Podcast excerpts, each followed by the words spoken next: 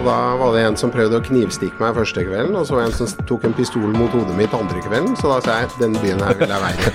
Nei, jeg, jeg tror at det er de som er på bærtur. Eh, han du spiller mot, han må eh, skjønne at det her kommer til å tape. Men det var positivt ment. Ja, ja, nei, det var, det var det. Var, var mafiaboss positivt positivt? Det kommer kanskje litt feil rett etter det vi snakka om, da. Nei, det var, det var liksom Her er Stavrum og Eikeland, en podkast fra Nettavisen. Velkommen til Stavrum Eikeland. I dag har vi med oss Morten Klein, som har blitt søkkrik på alt Stortinget ikke liker. Som uh, spilleautomater, online gambling og krypto. Altså, er det ingenting du ikke vil tjene penger på? Ehm, ja, det er ikke helt riktig, det. Uh, det finnes sikkert noen ting jeg ikke har vært borti. Uh, men uh, jeg har vel hatt en eh, Har vel likt det å utfordre hele tida, og det, det, det syns jeg har vært spennende. Og den, det ligger fortsatt i meg, da, å være nysgjerrig på nye ting. Ja, men, men altså, du, du starta jo som dørvakt. eh, Og så ble du reality-deltaker. Og så nå er du plutselig god for godt over to milliarder. Altså, hva- skjedde? Nei, Det er en eh, lang historie, egentlig. Så den kan være både lang og kort. Men eh, det vel, har vel hatt en sånn eh, jeg, kom vel ved en tilfeldighet til Oslo. For jeg spilte håndball i, i BHK i, i Bodø. Og skulle være i Oslo en helg. Og, og havna opp og skulle besøke en kamerat opp på Soria Moria på, på Torshov der. Og, og da lurte han på om jeg kunne stå dørvakt når jeg først var der. Og da var det en som prøvde å knivstikke meg første kvelden, og så en som tok en pistol mot hodet mitt andre kvelden. Så da sa jeg den byen her vil jeg være i. Welcome to Oslo. Welcome to Oslo. Så da, da ble det starten på 23, nei, 33 år i Oslo. Ja. Knivstikking og pistol er litt den samme følelsen når du besøker Stortinget? Nei, egentlig, e- egentlig ikke. Jeg har hatt mange gode dialoger med, med politikere opp gjennom årene. Og jeg har vel egentlig en, kanskje en eh, følelse av at de eh, har en bedre forståelse av det vi prater om, enn en det kanskje man ser i media. Men eh, vi har jo utfordra dem, og, og så ja. Ja, men, men dere har jo utfordret det lenge, og fortsatt så er det jo De fleste på Stortinget er jo mot at uh, online gaming og spill skal bli legalisert i Norge. Uh, altså, når dere egentlig frem? Man kan jo si det sånn da, at uh, online spill har jo vært eh, Eller gambling har jo vært legalisert i Norge siden tidlig på 2000-tallet. Og Norsk Tipping er jo et av verdens største spillselskaper som, som driver med, med online-spill. Og vi, vi er jo av den oppfatning av at når vi driver med online-spill fra utlandet på eh, lisens av EU, så er det jo lov for nordmenn å spille der. Og at vi ikke gjør noe som ikke er lov, da. Jo, men, men et samlet storting ønsker jo ikke dette. eh, og dere gjør det likevel, dere trosser det likevel. Og så er de eh, Altså ha, Moralen her, altså er det, er det de som er bare helt på bærtur, eller er det dere som ikke har noe moral? Nei, jeg, jeg tror at det er de som er på bærtur. Det er min oppfatning av det. For at eh, jeg tror at uh, det at vi har uh, gjennom mange år har utfordra det her, har jo, vært, har jo vært viktig for at vi har fått på plass den reguleringa vi har i markedet i dag også. Og vi har jo lisenser i dag i Sverige, i Danmark, i, i England. Det er jo 30 av 32 land i Europa som har en eh, lokal lisens for internasjonale selskaper. Og jeg tror jo da at, eh, at eh, det er på tide at Norge også begynner å se på det, for å få en, eh, for å få en bedre regulering for, for dem som de skal beskytte, da, kanskje de spillerne. Vi skal tilbake til dette, men litt om eh, personen Morten Klein. Altså, du, Når du stiller opp i intervjuer, så, så har du ikke alltid lagt vekt på at du skal bli, gå hjem hos alle. Du forteller f.eks. at du er eh, inspirert av Sun Tzu og kunsten å krige. En person som også har influert uh, Ho Chi Minh og Napoleon. Det er ikke, det er ikke publikumsfrieri. Og Hva har du lært av Sun Tzu? Nei, altså jeg tror jo at det, The Art of War, da, boka som, som, eh, som heter 'Kunsten å krige', handler egentlig ikke om å krige. Den handler like mye om å nå fram uten å gå til krig, men at man kan oppnå ting ved forhandlinger, være forberedt. eh, og den, den, har en filosofi da, som, som, jeg tror at Vi vet jo at mange ledere har brukt det opp gjennom årene. og Jeg, jeg syns det har vært ekstremt fascinerende å, å kunne se på ja, hvordan du kan oppnå gode resultater da, ved, ved, forhandlinger og være forberedt. og, ja. Hvordan, eh, rent praktisk, hvordan bruker du denne filosofien som forretningsmann? Nei, altså det, jo, det, å være, det å vite hva man kommer til veldig ofte. Prøve å forstå de eh, Altså hvis du har en motpart du skal diskutere med. Det å, å ha kunnskap om hva den personen du, altså hvis du har et, Som regel når du er i en forhandling, så handler det om å oppnå et resultat. Du har jo et mål med den forhandlinga. Og hvis du kan eh, prate med en person, eller du kan prate med en person som du tror du i hvert fall vet hva, hva han ønsker å oppnå, så er det veldig ofte lettere å få en win-win-situasjon.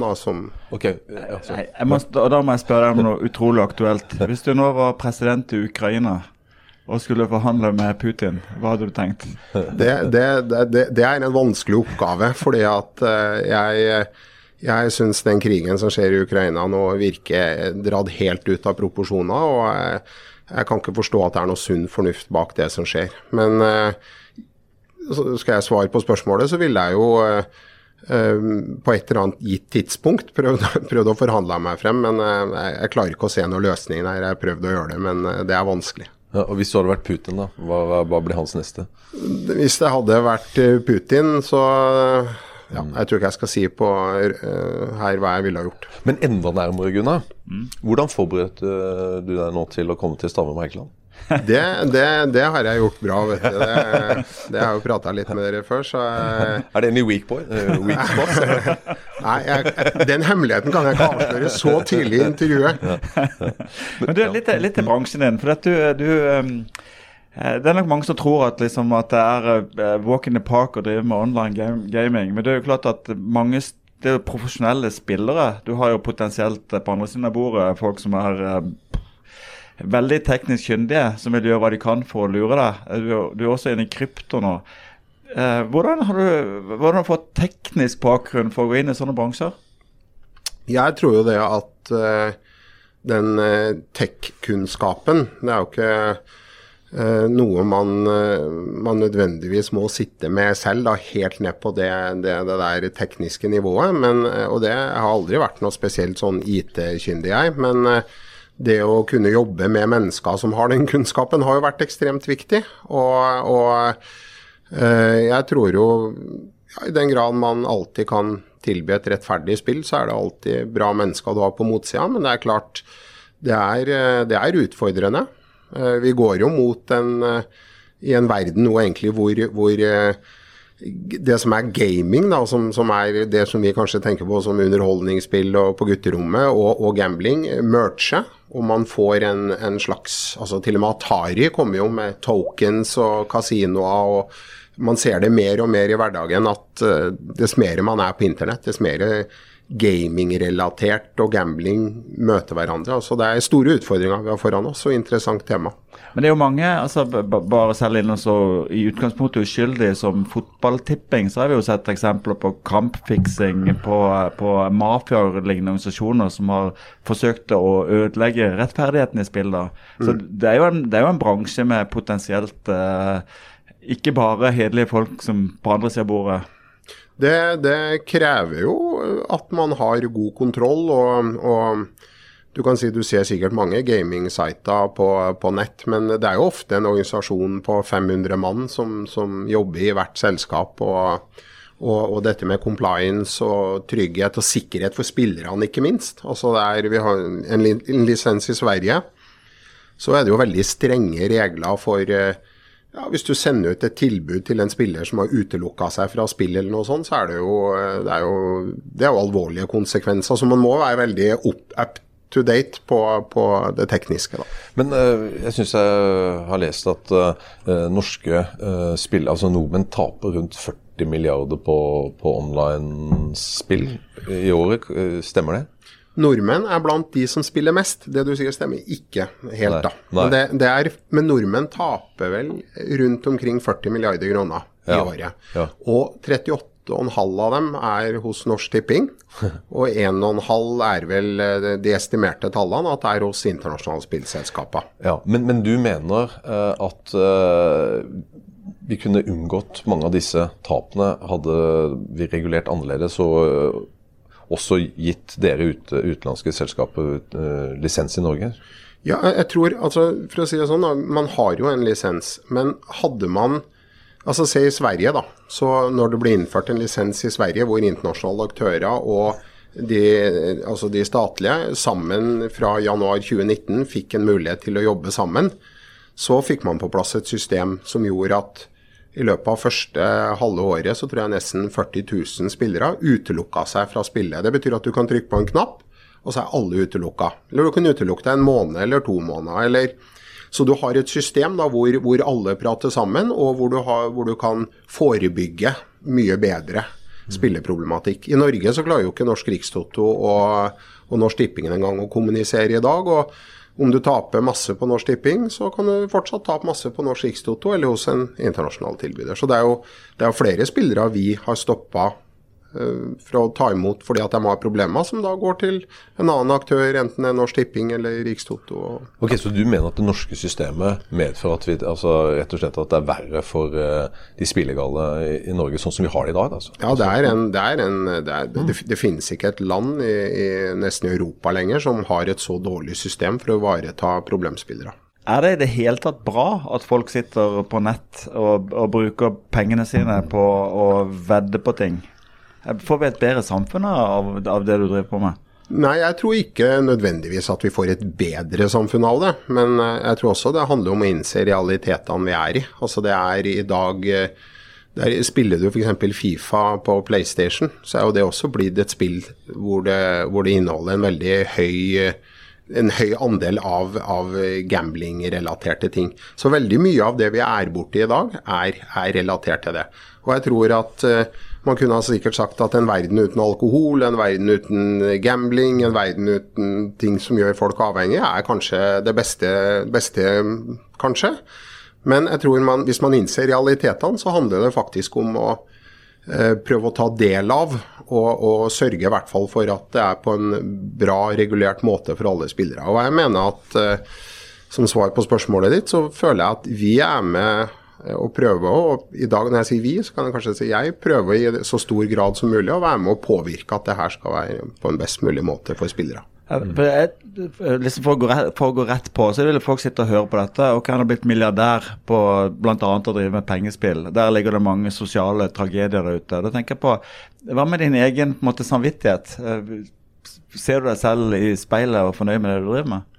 Jeg har alltid sagt at uh, skal jeg drive med det jeg gjør, så må jeg kunne se meg i speilet om morgenen. Du må kunne, du må kunne stå for det du gjør. Og jeg tror at, uh, jeg tror at når jeg jobba på pub, så så jeg også mange tragedier. Det var sånn jeg begynte når jeg flytta til Oslo.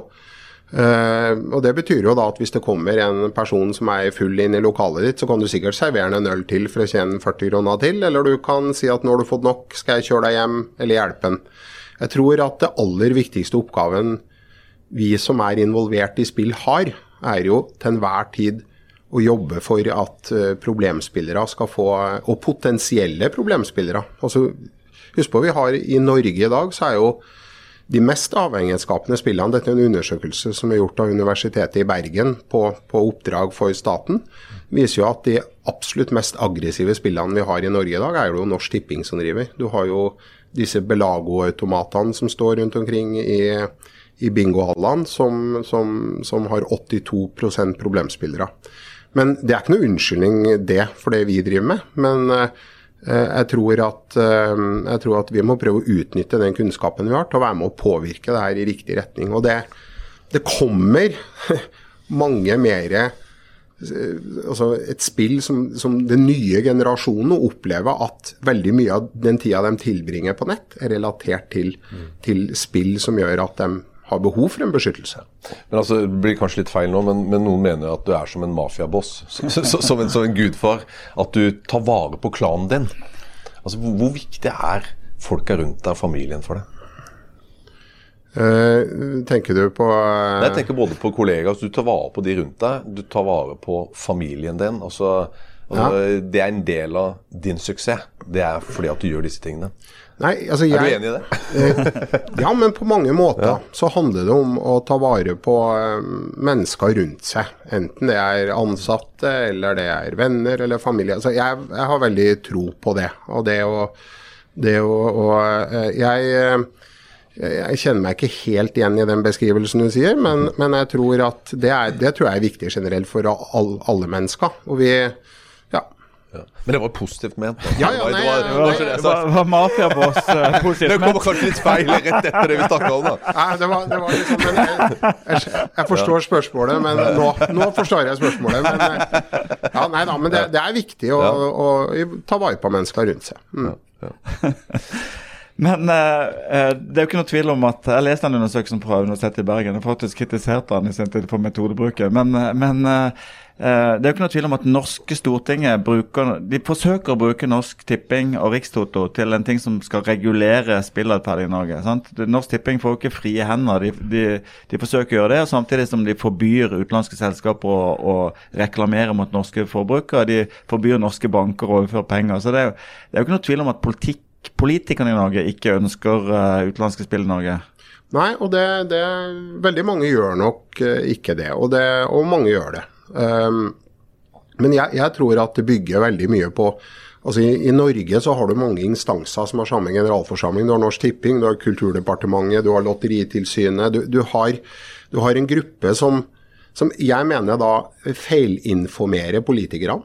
Det er min mening. At de, den påvirkningskraften for å bevare inntektene til norsk idrett og Vi kan jo diskutere om det er riktig at det skal gå over statsbudsjettet, eller om det skal gå via Norsk Tipping. Men den påvirkninga som blir gjort der, gjør at man over tid har framprovosert feil beslutninger fra politikerne. Eh, og etter min mening.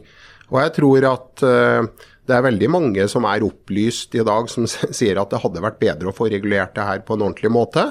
I hvert fall med den retninga det går nå med spill. Eh, og så er det jo sånn at jeg har jo sånn i forhold til deg som du spurte meg om å se meg i speilet, jeg har jo det er jo veldig mange i min bransje som, som Eller den bransjen jeg har vært en del av, som, som tenker nei, nå, nå har jeg vært med på det her, og så, og så finner jeg på noe annet å gjøre. Det er veldig mange som har drevet med spill i Norge de siste 20 årene, som ikke gjør det lenger. Og, og, men jeg har egentlig sagt til meg sjøl at jeg, jeg har lyst til å være med og prøve å påvirke det som skjer. Eh, eh, vi, vi ønsker å prøve å, å, å, påvirke jeg ønsker veldig gjerne, for jeg sier vi hele tiden, men jeg ønsker veldig gjerne å prøve å påvirke norske politikere til å ta beslutninger som er til det beste for spillere og potensielle spillere i framtida, og den nye teknologiske utviklinga som kommer. Hvor spill, altså Alle går jo med en, med en liten spillmaskin i lomma si nå. Og jeg tror at eh, 80% av alt spill nå foregår via mobiler. Enten det er underholdningsspill, Atari, eller om det er eh, gambling-relatert. Og jeg tror at vi har Altså dette må man ta inn over seg. Og hvis ikke hvis ikke noen utfordrer politikere på det, så tror jeg vi får et system som er dårligere enn det vi har i dag. og man tenker jo alltid at nei, men det er kanskje de store børsnoterte selskapene som vi, vi ofte representerer, da, som, som er eh, de store, store her ute. Men det er faktisk jeg tror det nesten er 5000 spillselskaper i dag som, som kan tilby spill til Norge hvor nordmenn spiller. Ja, Men eh, fremtidens spill, da. Altså, hvordan vil de se ut? Altså, når vi tenker på spill, så er det poker. Det er, altså, det er, og vi tipper på uh, idrettsresultat osv. Men, men hvordan vil om ti år til? Altså, hvordan vil uh, Jeg, jeg, jeg tror at vi vil se mere, mere spill innenfor eh, Altså hvis du snakker om shopping, hvis du snakker om Altså man snakker om dette nye noe som heter play to earn. Altså hvor, hvor spillere den, den har funnet ut at at når du spiller, så skal du tjene på å spille. Det skal ikke koste noe å spille. Uh, og, og, og det samme med Er du å shoppe i dag på nettet, så, så kan du ved å dele det du har shoppa, sørge for at vennene dine også handler via dem. Via det du deler, og da er det du som skal ha inntektene fra det som shoppes, og ikke nødvendigvis Google og Facebook. Så jeg tror vi går mot en ny verden hvor, hvor spill blir mer og mer involvert i det vi gjør i det meste. Men du, du er jo også pokerspiller. Ja. Uh, og det eh, fordrer jo på en måte at du på en måte har regneferdigheter og en analytisk evne, og så evne til å lese motspillere. Eh, er det de samme egenskapene du bruker som forretningsmann? Uh, ja, jeg, jeg, tror jo Nå er jo sånn at jeg er jo, jeg er jo bare en hobbyspiller innen poker. Men det er spesielt én poker... Ja, det er én pokergren hvor jeg i eh, norgesmesterskapssammenheng er rangert nummer én i Norge per i dag, og det er, det er i Hedsø poker. Det er mann mot mann. Eh, og, og, og, det er jeg stolt av. Eh, men, men eh, det bygger jo da på det at um, som regel når du setter deg ned mann mot mann med noen, eller vi skal sitte og diskutere noe, så er det jo veldig ofte at man eh, at man må dra fram ferdighetene som, som er noe annet enn kort. da. Mm. Og, og, og, jeg tror jo det en god pokers, å være en god pokerspiller handler jo mye om risikovurdering, forstå den du spiller mot, men ikke minst både gi riktig informasjon og feil informasjon til riktig tid til han. Eh, mens eh, så, så Men, skulle vært politiker. kanskje jeg skulle ha vært politiker. Da, da har du vært på Stortinget med sånne solbriller på, da? Sånn da på har jeg sittet på Stortinget, og det, det, Jeg skulle ha gjerne faktisk vært politiker, jeg syns det er fascinerende. Men jeg, jeg tror ikke det hadde passa meg helt allikevel. Um, jeg hadde nok vært litt for frittalende til å være politiker. Da har du vært ofte her hos oss. Ja, da har jeg vært ofte her og sittet og diskutert. Og nettopp forsvart jeg hadde sagt. Jeg, jeg så et avspor til deg, for det var veldig interessant det du sa. Hvis du skal se på de ulike elementene mot hverandre som sånn heads up-poker, da, hva er det viktige? Det som er viktig i heads det er at når du setter deg ned, så handler det om å eh, Han du spiller mot, han må eh, skjønne at det her kommer til å tape. Ja? det, du må raskest mulig få et overtak i spillet. Da kan du ikke sitte og vente på de gode kortene, for i heads up-poker så er det mann mot mann. Mm. Og Da handler det om å prøve å kontrollere motstanderen. Det kan være å kommentere ting. Eh, og så handler det, hvis jeg gjør en feil, da, at jeg prøver å bløffe motstanderen i, i en pokerhånd, og jeg må vise fram bløffen min, så må jeg prøve å utnytte det senere i spillet. Eh, hvis jeg ikke viser noe bløffa, så må jeg prøve å utnytte det. Så det er liksom å prøve å gjøre det motsatte av hva du tror at motstanderen din gjør. da. For, eh, for, eh, så, så heads up-poker er veldig fascinerende. Men I din spillkarriere, har du tjent penger eller tatt penger totalt sett? Eh, jeg har tjent penger på poker. Alle har det, har de ikke det? Uh, ja, men jeg, jeg, jeg, har jo ikke egentlig uh, spilt så veldig mye, mye um, store, store turneringer. Men, men, jeg har spilt noen. Jeg gjorde en del det tidligere, sånn i World Poker Tour og European Poker Tour. Og jo, da gjorde jeg det bra, både med en andre- og tredjeplass der, som ga veldig høye premier da, i forhold til innsatsen. Så jeg, jeg fører nøyaktig statistikk over uh, poker. og jeg en vinnende spiller i poker med 100 sikkerhet. men, men, men, ok, uh, inkluderer det også penger som er tjent på, på poker på, på, bakrommet på en eller annen pub i Oslo? uh, det er jo sånn at uh, poker kan du jo spille overalt, og i dag er det jo faktisk lov å spille poker hjemme. Hvis ja, men, du spiller med, med, Men ikke alltid når du har spilt det? Nei, men jeg, jeg spiller bare turneringspoker, jeg spiller ikke cash game. Det er, det er to aldri forskjellige Aldri gjort det? Jeg har spilt cash game, men jeg, ja. spiller ikke cash game til vanlig. Og jeg syns ikke det er noe spesielt spennende. Jeg liker turneringsvarianten av poker, og det er det, er det jeg spiller. Ja. Men eh, Her skal ikke jeg insinuere at du holder på med det i hele tatt, men du kjenner jo på en måte egentlig både fra dørvaktsituasjonen automatsatsing, så tipper jeg du kjenner eh, Du har hørt om det illegale spillmarkedet i, i Oslo. Mm. Eh, og spilleklubber kontrollert av, eh, av ja, Det kan du vel nesten kalle organisert økonomisk kriminalitet. Og For folk som hører på her, hva ville ditt råd være? Er det lurt å drive på med å spille poker om penger på, i sånne sammenhenger? Eh, jeg syns jo for så vidt at eh, For å svare litt på, direkte på spørsmålet ditt, så skal jeg si at overalt i verden Jeg tror i alle land i verden så er det illegale spilleklubber. Og det er en del av Altså Når du har spill, så er det alltid altså Har du restauranter bare, så er det alltid noen som driver en ulovlig bar eller en ulovlig restaurant som er litt lenger åpent og, og sånne ting. Jeg eh, mener jo at Sånn som i Norge nå, når det har blitt uh, turneringspoker eh, som er lov å spille hjemme med opptil 20 personer og sånn, så får man jo mye glede der. Men jeg har stor forståelse for spillere. altså Norske pokerspillere er jo blant de beste spillerne i verden og har de beste resultatene. Og Norge er kanskje det eneste, et av veldig få land i verden, i hvert fall i den vestlige verden, hvor det ikke er lov å spille poker. Altså det og, og, og det er klart at da fram større turneringer og da framprovoserer det at, at alle disse 200 000 nordmennene som spiller poker, og som har lov å spille hjemmepoker, har også lyst til å prøve å spille litt større turneringer. Du kan gjøre det under NM en gang i året, men den regelen i seg sjøl som vi har i Norge, den skaper et illegalt marked. Men hva Men jeg, jeg kjenner jo forretningsfolk i, i, som spiller på illegale spilleklubber om store beløp med folk du ikke har lyst til å treffe på, på, på, på kveldstid. Og da tenker jeg, du da som milliardær, eh, er det et miljø du ville turt å nærme deg? Jeg spiller ikke på disse Jeg spiller jo ikke cash game, og det er stort sett cash game det du snakker om eh, nå. Eh, jeg, jeg er ikke noe Jeg har egentlig aldri vært redd av meg i forhold til hvor jeg, hva jeg gjør og hvor jeg spiller og sånn, så, så jeg, jeg er ikke noe redd for det. Og jeg, jeg har ikke inntrykk av at det miljøet er så farlig som du fremstiller det her nå heller. Eh, men, men eh, ja. Du bør gjøre opp gjelda di. Jeg, jeg, jeg, er ikke kjent med så mange tilfeller av hvor, hvor folk spiller seg fra gård og grunn. Men det er klart, det skjer. Det er, det er folk drikker seg i hjel. Folk spiller mer enn hva de har råd til. og det, det er jo der, altså Hadde vi hatt et regulert marked, da, så kunne disse menneskene gått og spilt på regulerte plasser. og Det tror jeg, det tror jeg er den viktigste oppgaven eh, norske politikere har i det. Det, å, det å sørge for å få på plass et trygt nettverk. Eh, Jeg husker jeg var på en spillekonferanse i, i 2011, da Lars Bonheim hadde blitt ny, ny sjef for Norsk Tipping. Og Det var jo da han ble spurt, for da fortalte han jo at han skulle komme med online-kasino i, i, i, i Norsk Tipping.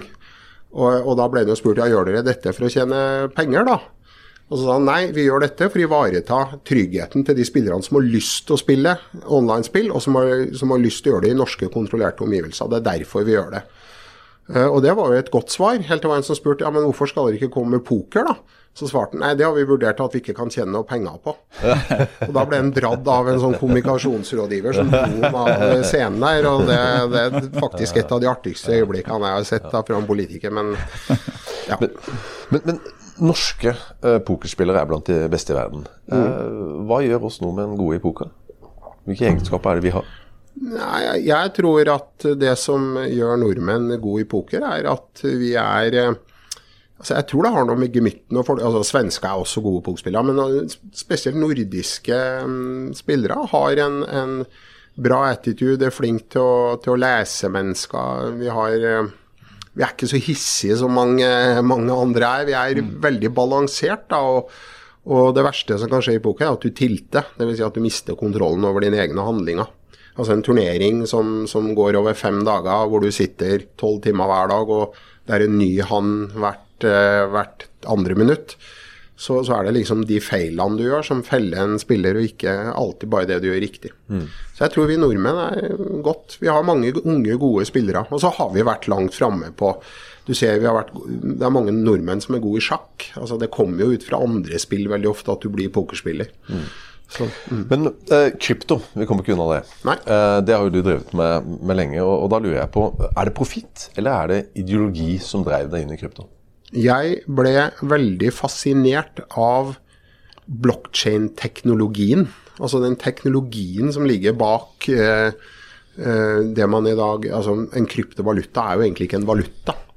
Eh, men jeg er veldig fascinert av eh, hvordan blokkjein-teknologien, som egentlig er en, er en desen, altså den er jo desentralisert.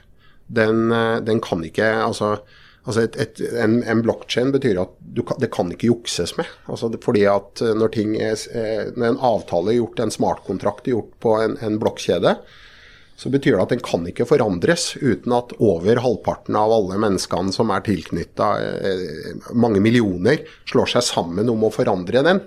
Og Det får du ikke til, for over halvparten er ikke villig til å jukse.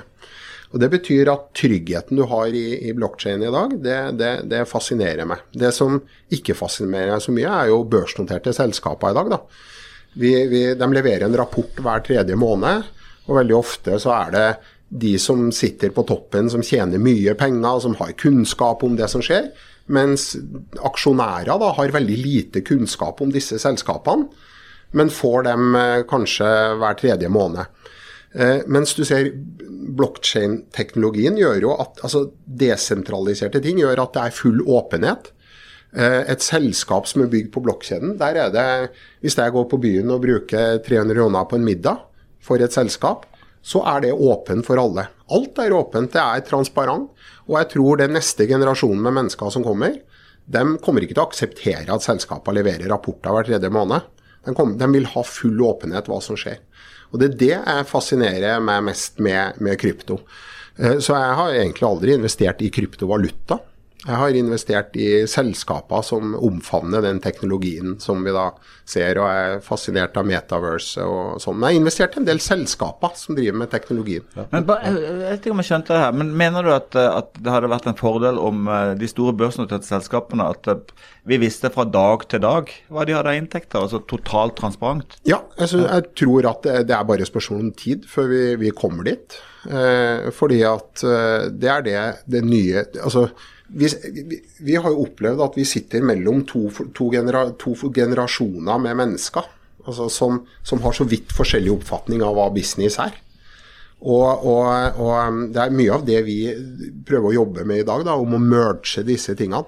Og det du sier, ja, vi, altså, Hvorfor skal man ikke være transparent med det man driver med? Hvorfor skal liksom resultatene komme som en overraskelse? og ja, man, ja. Du, sa, du, sa, et veldig, du ga et veldig interessant stikkord, nemlig metaverse. Altså ja. et, et, slags virtuell verden, hvor vi nå ser de første eksemplene på at vir, virtuelle ting som en yacht blir mm. solgt for millioner av kroner i denne virtuelle verden. Er det neste arena for Morten Klein? Jeg er eh, Non-futurable tokens, altså NFTs, er jo, er jo um, jeg, jeg, skal være helt ærlig at bare for mindre enn et år siden så hadde jeg problemer med å forstå hvorfor et bilde på veggen uh, skulle, altså skulle altså, Det skjønte jeg hadde en verdi. Mens en, en, digital bilde, hvorfor det skulle ha samme verdi, det forsto jeg ikke for mindre enn et år siden. I dag så forstår jeg det veldig godt. Jeg forstår Fordi, det ikke, så forklar meg det. Ja, det skal jeg forklare deg. Fordi at, husk på, vi, den, den, eh, altså de ungdommer og litt yngre mennesker i dag, de, de har ikke forhold til å holde en fysisk DVD-plate eller en CD. Nei, de har et forhold til at kjøper du en film, så laster du den inn på mobilen din. Kjøper du en, noe musikk, så er det på mobilen din. Altså de, la, de, er vant til at du må ikke holde fysiske ting for at de skal ha en verdi. Og det er jo ok, det er ganske sprøtt at et maleri på et gammelt lerret skal være verdt 500 millioner også. Men det er fordi at det går ikke an å få tak i noen flere av dem. Sånn han, du kan ikke få han til å lage noen flere. Mens eh, samtidig henger du et dyrt bilde på veggen din, så ses det kanskje av ja, 200 mennesker i løpet av et år da, som er innom kontoret ditt. eller der, Men de fleste har gjemt dem i en safe, så ingen får se dem. Mm. Mens et digitalt bilde, som fortsatt er like fysisk ditt, men det er digitalt ditt, det kan du ha et galleri, så 100 millioner mennesker kan se det. Du kan ha det i leiligheten din i en, en eller annen virtuell verden. Det kan ligge på Open Sea, så folk, altså, folk kan se det. Og så er det ganske bra og rettferdig, for hvis det bildet selges videre, så er det en smartkontrakt som ligger i bånn, som sier at kunstneren får 5% hver gang det bildet selges. Det, det, og, og, og, og, vil jeg selge det bildet, så kan, kan jeg nå 10 millioner mennesker på ti sekunder. Bare ved et trykk. Der jeg sliter, det er at hvis du kjøper et eh, Leonardo da Vinci-bilde, eh, så er det på en måte, det finnes bare ett av det. Og det er ikke mulig å lage en helt eksakt kopi. Eh, mm. Det har vært mange forsøk på det, men liksom, det får du ikke til. Men når det er en digital ting, så kan du lage en helt eksakt kopi. Ja, og da skjønner jeg ikke verdien. Nei, men en, du må huske på at en digital ting, mm. det er det kan også være ti kopier av, av, et bilde, det kan være nummererte ting. Men la oss si, eh, nå solgte jo den første Twitter-meldinga som ble sendt, eieren av Twitter, solgte jo den for 1,8 millioner dollar. Da fikk den en digitalt stempel på seg som gjorde at den er unik, den meldinga. Og så er det jo sånn at det, man, Hvorfor betaler noen 1,8 millioner dollar for det? Jo, for det er lett å selge. Det er lett å selge videre, og det har en verdi, og det er ingen andre som kan ha den digitale statusen. Jo, men det er jo litt sånn altså en kopi av en klokke eller en kopi av altså, altså, Du selv vet jo at det er en kopi. Ikke sant? Så altså, Ja. det, det er jo derfor du og det samme med, med denne. Du vet at den, denne er din. Mm. ok? Det, kan komme eksakt helt like. Det, det er veldig mange som er nesten eksakt lik Mona Lisa. En, enda finere Mona Lisa, som er kopier. Men det er en kopi, og du vet det selv at det er en kopi. Så jeg tror det er også noe som driver dette. Ja, jeg, altså, men, uh, ja, men, men det er helt rett. Og så må vi huske på at dette med, dette med en digital identitet på ting, da, gjør jo at øh, gjør at La oss si at vi, vi altså, vi vil få et annet marked for veldig mye. da, for Hvis noen går og kjøper en Louis Vuitton-veske i en butikk, så blir jo den gjerne solgt for 10 000 kroner, og så kan du selge den brukt for 4000. Men har du en digital identitet på den veska, som nå alle de store merkene kommer til å komme med altså Gucci, altså de, Det blir jo solgt i dag digitale klær for ca. 50 milliarder dollar i året. Gucci-klær og alt sånt. Og Det er fordi at folk kan selge til en høyere pris senere. Og de som lager disse klærne, de lager ikke mange kopier av dem. De har bare én eller to eller tre originaler av hver. Men det med den veska, da, det er at hvis den veska har tilhørt Mette-Marit, da, og du har en digitalt bevis på at den har gjort det, ja, men da vil den jo stige i verdi. Og da er vi inne på dette som jeg snakka litt om, shop to earn, som jeg tror blir den nye hverdagen for mye yngre mennesker. Det er liksom, det er du som skal tjene på ting du gjør, du skal ikke tape på ting når du handler. Det, det er jo eh, altså Det vil jo være folk som peker på dette og sier at dette er liksom det nye eksempel på tulipansvindelen, eller det er eh, liksom the, even bigger fool-konseptet. Men vi lar det ligge. Det som jeg syns er interessant her, det er på en måte at du, du gjennomgående i hele karrieren din har vært foran kurven på ting som har kommet. Og eh, jeg ser ikke bort fra at du tjener deg rik på dette også. Og så lurer jeg på, sånn, hvordan, hvordan følger du med? Hvordan, hvordan finner du ut sånne ting? For det første så, så er jeg litt sånn, um, litt sånn at hvis jeg ikke syns ting er spennende, da, da har jeg problemer med å Som sikkert mange andre mennesker har. altså Leser jeg en kjedelig bok, så må jeg legge den bort etter to sider. Jeg klarer ikke å suge det til meg. Men ting som jeg syns er spennende og interessant, og kan være med å utvikle ting, da, da, da, da sitter all informasjon 100% i hodet. Og så er det å møte mange mennesker som, som driver med det. og um, Det er jo litt det som er drivkraften. Altså det, ja. Hvor finner du infoen? Infoen finner jeg stort sett fra, fra, fra ved å snakke med mye mennesker.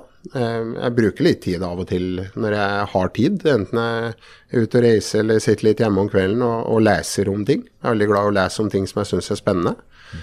Og så ja. Og så satser du på ting som kanskje andre eh, hvor andre vegrer seg. da, altså Online gaming, krypto og sånt noe. Så du, du, du tør ikke altså, du, du tør å ta risiko. Ja, altså Da er vi tilbake til litt det i poker. altså Risiko er jo en, er jo en det, det, det handler om, altså I poker så handler det om å beholde chipsa dine. Av og til må du satse noen chips for å vinne flere, og så må du tape mindre enn det du vinner.